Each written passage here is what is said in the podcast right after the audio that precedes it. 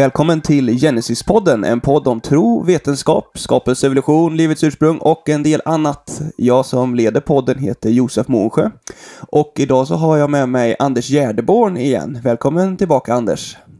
Tack för det. Och eh, du har varit med ett par avsnitt innan och vi har talat lite om eh, geologi och fossil och grejer. Men idag så ska vi ge oss ut och tala lite mer om, om kosmos. Eh, det är ju spännande och Big Bang och sådär. Eh, vad har du för eh, relation till detta rent eh, tidsmässigt? Sådär? Har, du, har du hållit på med det länge? Är det någonting som har intresserat dig, just detta specifika, under en längre tid? Ja, jag är ju fysiker i botten och, och eh, astronomi är ju en del av fysikens område så att eh, visst har jag varit intresserad av astronomi i, ja, sen, eh, vad ska man säga, sen 70-talet när jag började bli intresserad av naturvetenskap överhuvudtaget. Just det. Så då hoppas vi och eh, tror verkligen att det här kommer bli ett intressant avsnitt. Och eh, alltså det som, man, det som man kommer in på då när man talar om eh, ute i kosmos och grejer, det är ju just detta med Big Bang. Det är ju väldigt snabbt det som är intressant ur en perspektiv av naturvetenskap och kristen tro och sådär. Eh, och eh, ja, Big Bang, vad, vad, är, vad är Big Bang? Vad är, vad är det grundläggande? Ja, Big Bang är eh, astronomins evolutionslära skulle man kunna säga. Eh, liksom det inom eh, biologin finns en, en förklaring, en naturalistisk förklaring alltså, en, en brett anammad förklaring på var livet kommer ifrån som har sin utgångspunkt i att Gud inte finns eller att att Gud inte har påverkat skeendet om man säger så. Det är Big Bang för astronomerna. Det är alltså den bästa förklaringen man har kommit på under antagandet att Gud inte finns. Så skulle man kunna säga det. Just det. Eh, och, och, Big Bang då, det har ju en, en början här då, där någonting händer. Alltså, en sån där fråga som, som hör ihop med detta är ju att expanderar universum? Är det, är det någonting vi ser och vet och sådär, eller hur? Ja, Big Bang har ju två stycken grundläggande komponenter kan man säga. Det finns ju olika Big Bang-modeller. Det är ju ingen enhetlig modell, men det som är gemensamt för dem alla det är att, eh, som du säger, att universum expanderar och eh, som ett resultat av det så var det varmare förr. Alltså expansionen gör att det kyls ner hela tiden. Det är de två eh, vad ska man säga, grundläggande komponenterna för alla Big Bang-scenarier. Och eh, du frågar om eh, universum expanderar. Ja, alltså man, tolkningen av data är ju att universum expanderar. Men då ska vi komma ihåg att vi kan ju inte mäta hastigheten direkt. Utan vad man gör det är att man mäter galaxernas rödförskjutning eh, i relation till deras ljusstyrka. Och så antar man att eh, ju längre bort en galax ligger eh, desto mer rödförskjuten är den och ehm, desto mindre är ljusstyrkan. Och så kan man då räkna ut hur långt, mm, hur fort galaxerna rör sig bort ifrån oss, tror man. Men då ska vi komma ihåg att vi har alltså inte mätt avståndet och hastigheten eller hastigheten som funktion av avståndet. Utan vad man mäter det är just rödförskjutning eh, och ljusstyrka. Rö rödförskjutningen är alltså rödförskjutningen är färgen på ljuset som kommer till oss, eller vad är det för något? Ja, det kan man säga.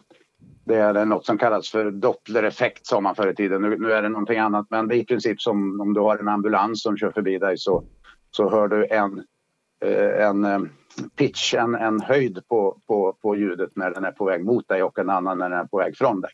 Det låter ju liksom tut, tut, tut, tut, tut, ja, ja, ja, ja, säger det. Och det är en form av en dopplereffekt. Och galaxerna, ju längre bort ifrån dem, ju längre bort ifrån oss de ligger, ju mer rödförskjutna är de. Och eh, då tror man alltså att ju snabbare rör de sig bort ifrån oss. Och det är så idén om ett expanderande universum har fötts. Men eh, man mäter alltså inte hur hastigheten varierar med avståndet utan man mäter hur rödförskjutningen varierar med galaxernas ljusstyrka. Och sen antar man att rödförskjutningen är en effekt av hastigheten. Och det kan den vara, men den behöver inte vara det. Och man antar att ljusstyrkan är en effekt av avståndet, alltså att eh, ju längre bort galaxen är ju ljussvagare är den sett från jorden. Och det kan det vara så, men det behöver inte vara så. Och därför så är det här med expansionen en tolkning utifrån andra data vi har om universum. Just det. Och du, du är inte professor på området, men, men du har ju läst en del och, och det, har, du, har du problem med detta med expanderande universum, eller hur, hur ser du Nej. på det efter att ha läst en del? Nej, alltså jag, eh, jag skulle ha problem om eh, världsbilden man kommer fram till eh, går emot Bibeln, men det finner jag inte att ett expanderande universum gör. Utan det kan mycket gärna vara så att universum expanderar, men jag är inte så jätteövertygad om det just därför att jag känner till att eh, eh slutsatserna grundar sig på vissa antaganden som inte alls behöver vara sanna om man säger så. Mm. Eh, så att jag kan säga att jag, jag, ställer mig ganska ljum till den frågan. Om det skulle visa sig att universum expanderar så fine säger jag, jag har inga problem med det. Men, men eh, jag kan också tänka mig att det inte gör det. Just det. Och alla tror ju givetvis att universum någon gång har expanderat att det är det vi har idag. Men tror alla vetenskapsmän så att det expanderar just nu eller finns det naturalistiska vetenskapsmän som tänker att, att universum har stannat av i sin expansion? Eller är man, är man överens där, eller hur? Ja, eller kommer att stanna av i alla fall. Det finns lite olika modeller. Eh, jag, jag sa förut att gemensamt för alla Big Bang-modellerna är att, eh, att universum expanderar. Och det var inte helt sant, eh, utan åtminstone att universum någon gång i sin historia har expanderat, ska jag säga. Eh, det finns vissa modeller som säger att universum stannar av sin eh, expansion och till och med vänder till en kontraktion, alltså drar ihop sig igen till en big crunch då istället för en big bang. Eh, och där håller man på och mäter vissa detaljer i universum när det gäller hur mycket, hur mycket massa det finns och exakt hur, hur avståndet är. För att se om det finns tillräckligt, mass, tillräckligt med massa i universum för att vända expansionen till en kontraktion. Och där har man lite olika modeller och, och det man har kommit fram till det är att vi verkar ligga precis på gränsen alltså så att universum eh, vänder i en kontraktion men ändå inte. Och det är en av gåtorna med Big Bang-modellen. Varför ligger vi precis på gränsen mellan den ena möjligheten för framtiden och den andra? Just det, så hade det funnits väldigt mycket massa i universum, då hade det väldigt snabbt dratt ihop igen. Och finns det lite massa Precis. då, då ja. fortsätter det expandera bara. Och, e, Exakt. Och vårt universum verkar finnas mitt emellan där då på något vis. Det, vi verkar ligga på svärdsäggen mellan det ena och det andra. Och, Just det. Eh, och, mm. men, men detta med Big Bang då, finns det, finns det problem med modellen? Eller hur, hur eh, om, vi, om vi tar fram några Eh, bevis eller bevisning kring detta, vad, hur, Ja, det gör det. Det finns gott om bevis eller gott om eh, problem med, med eh, Big Bang-modellen.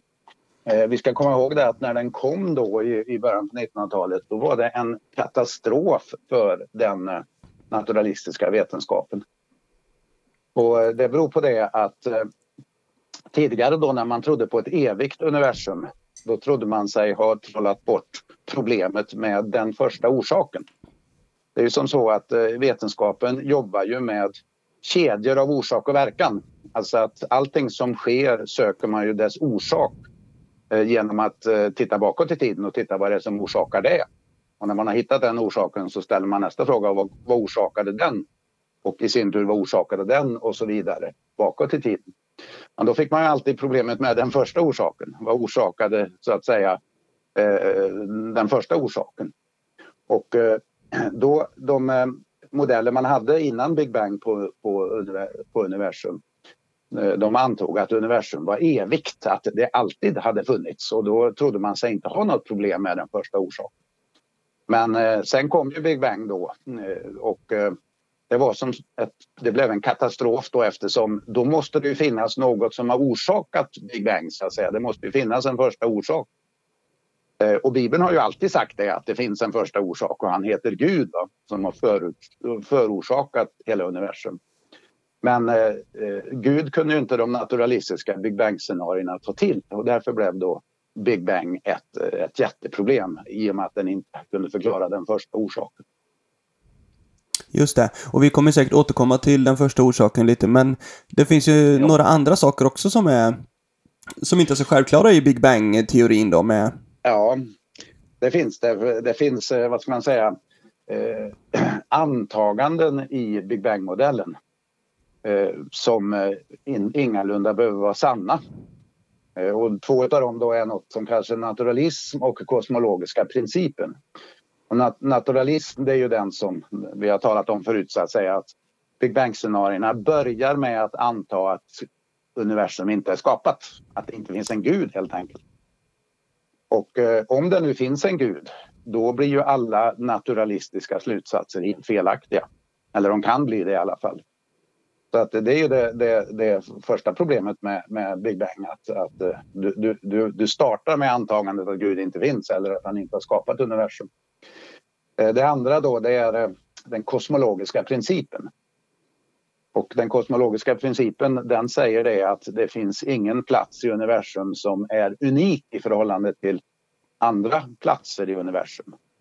Eh, vilket innebär att jorden heller inte har en, någon som helst särställning i universum. Eh, och eh, eh man brukar säga att jorden inte ligger nära universums centrum för att då hade jorden en särställning. Och eh, det kan heller inte ligga nära någon kant på universum för att då hade, eh, då hade jorden också haft en, en, en särställning. Och eh, man säger till och med att det finns vare sig centrum eller kant för att då skulle ju de galaxer ligga där, ha en särställning. Och det förbjuder då den kosmologiska principen. Och, och då har jag en fråga här givetvis då. Är detta, ja. är detta faktabelagt eller är detta liksom teoretiskt att man antar detta? Eller hur? För det, eh, logiskt låter det ju väldigt konstigt. För att man känner ju bara så spontant som vanlig människa att det måste ju finnas något som ligger i mitten och det måste ju finnas något som är vid kanten. Men det... Ja. Eh, men de, de geometriska modeller man har på universum idag eh, Eh, det innebär att, eh, att eh, om, de vore, om de är sanna så har inte universum vare sig kant eller centrum. Man brukar likna det vid ett, tänk dig att universum är tvådimensionellt och vi befinner oss på, galaxerna befinner sig på membranet utav en ballongyta. Då finns det ju ingen utav de galaxerna som är närmare centrum än den andra. Alltså ballongens mitt i den tredje dimensionen existerar inte i modellen utan universum är bara ballongytan då i två dimensioner. Eh, och då är ju ingen galax närmare centrum än andra och ingen är närmare någon, någon, någon kant heller. Är, det vettigt blås... att, är det vettigt att tänka så? Alltså är det, vi kanske inte hinner gå in på ja, det här, men det kan ju bara... Alltså, fysikaliskt är det inga problem att tänka så. Nej. Och så skulle universum vara då, fast i tre dimensioner istället. Men då kan vi ju inte tänka oss längre eh, på det sättet i tre dimensioner. Och blåser man upp ballongen då så eh, rör sig varje galax bort från varje annan. Eh, och ju längre ifrån varandra, ju fortare rör de sig bort från varandra trots att ingen ligger i mitten. Och det är liksom det som är tanken med eh, den här, de geometriska modellerna vi har på universum. Och det behöver egentligen inte vara fel, det, det har jag ingen uppfattning om egentligen. Men det finns andra problem med den kosmologiska principen och det är att det finns observationer idag som faktiskt tyder på att jorden ligger i centrum eller åtminstone i nära centrum utav universum. Eh, och det får ju då problem för eh, den kosmologiska principen och således också för Big Bang-scenarierna. Just det. Vad finns det för, finns det för sådana grejer då som pekar på att... Ja, det finns en, ett, ett väldigt stort stöd för eh, Big Bang-scenariot säger man. Det är något som kallas för den kosmiska bakgrundsstrålningen. Som är då en, en, en eh, en kvarleva från när universum var en 300 till 400 000 år gammal. Eh, en efterglöd utav den stora smällen brukar man kalla det för. Och den där bakgrundsstrålningen den ska vara lika oavsett var i universum man tittar. Och det är den i stort sett. Men det finns en avvikelse till den här homogeniteten i bakgrundsstrålningen. Det verkar som att jorden skulle röra sig i förhållande till bakgrundsstrålningen.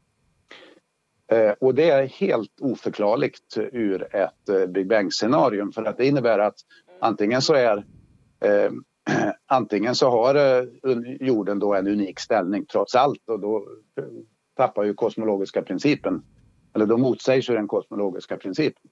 Eller så är bakgrundsstrålningen inte från universums bakgrund utan en lokal företeelse eh, inom vår egen galax.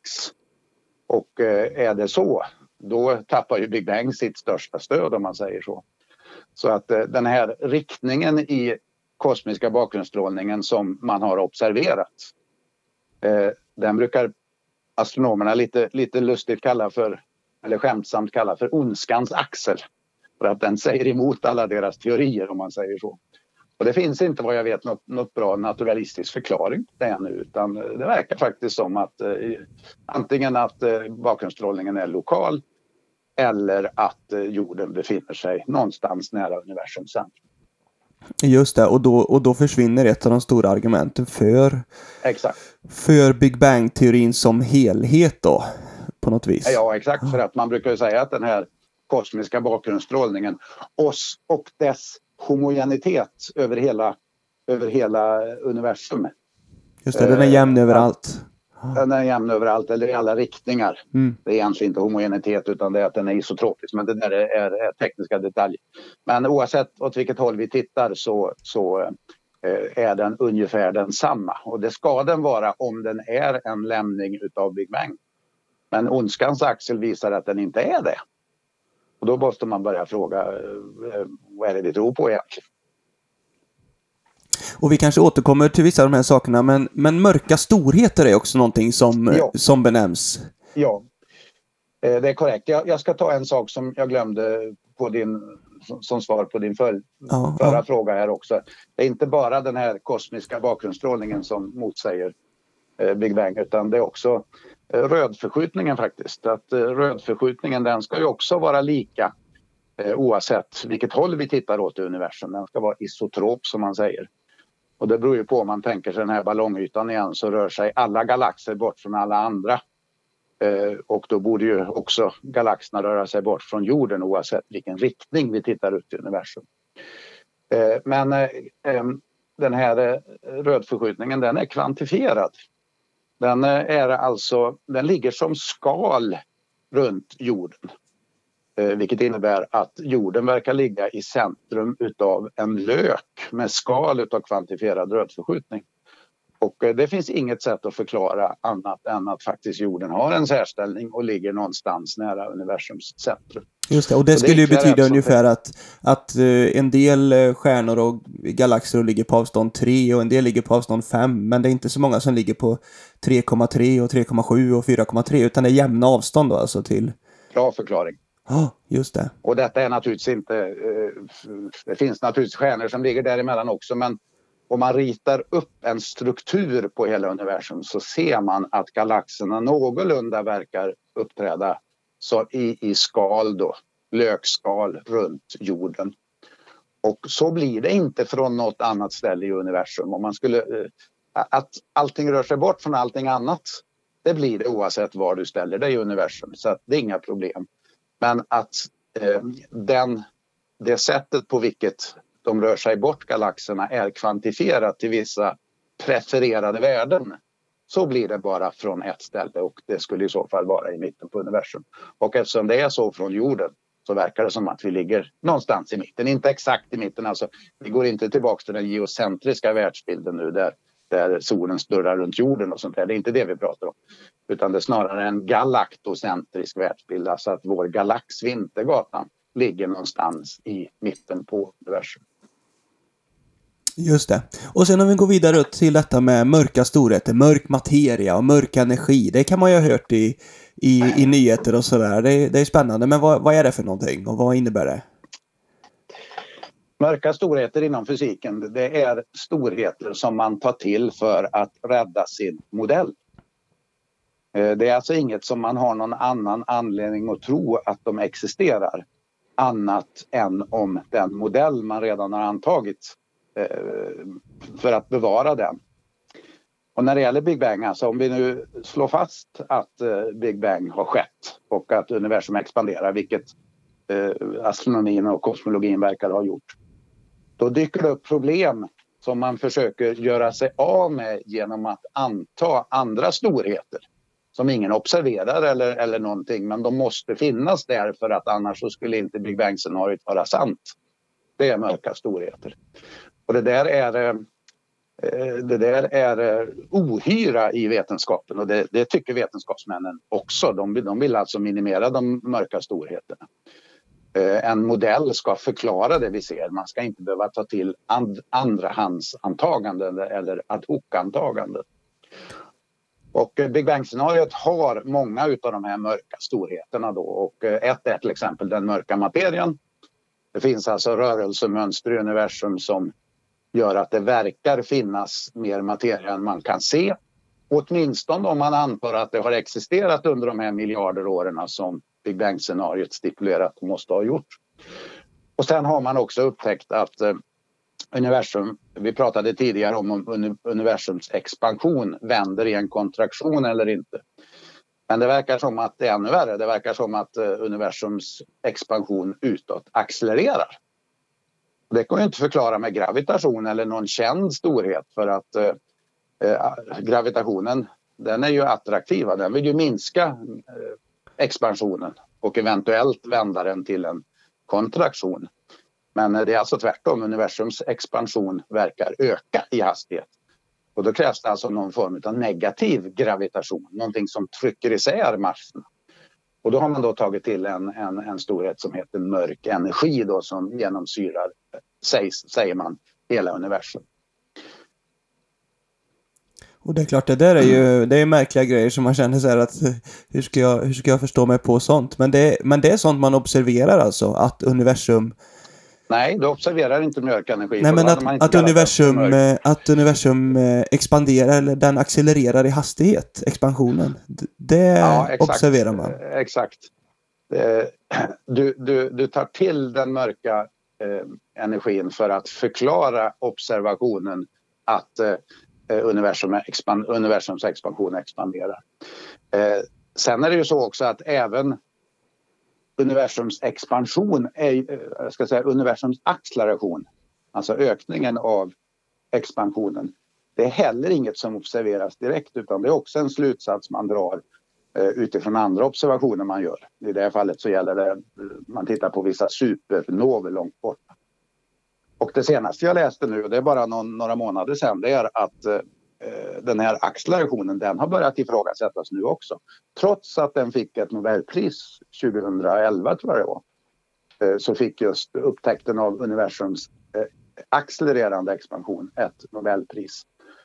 Och idag ifrågasätts den att det här man såg hos de där supernovorna det kan ha varit någonting annat. Så att den här, den här eh, mörka energin den kanske inte behövs trots allt. Så att här är nu vi, vi är i frontlinjen nu på kosmologin och här vet man inte riktigt vart, vart det kommer att sluta. Just det.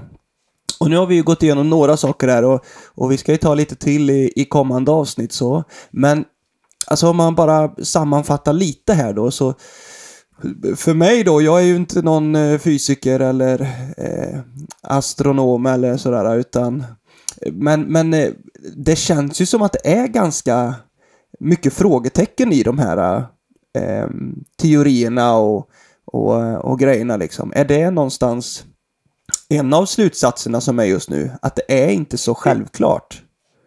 Eh, absolut, det är inte alls självklart. Eh, och situationen vi befinner oss i det är ju att man startar med ett antagande att Gud inte finns eller att Gud åtminstone inte har påverkat hur universum ser ut.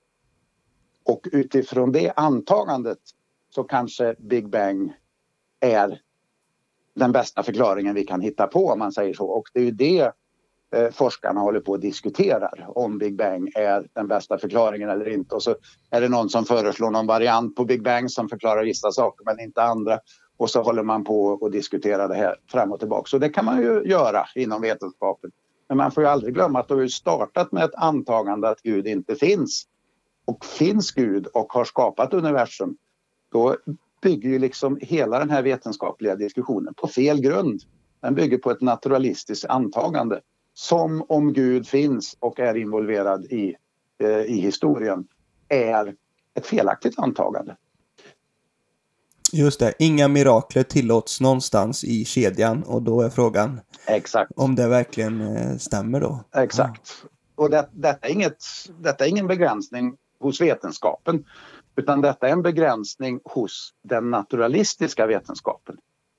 Och det är ju den naturalistiska vetenskapen som är den enda tillåtna i våra skolor och universitet och media idag. Och det är ju därför man kommer. Därför blir den här diskussionen om Big Bang eller inte lite futtig på något sätt. Jag menar, det är krusningar på ytan i förhållande till den stora frågan om universum är skapat eller inte.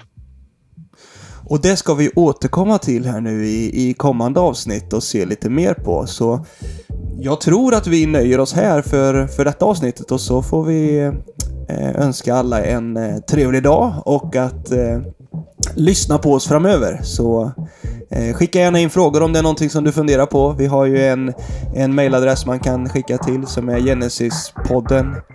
Eh, podden at genesis.nu. Så ska det vara. Podden at genesis.nu. Och man kan även höra av oss till oss på, eh, på Facebook och sådär också. Tack så mycket. Ha det bra allihopa.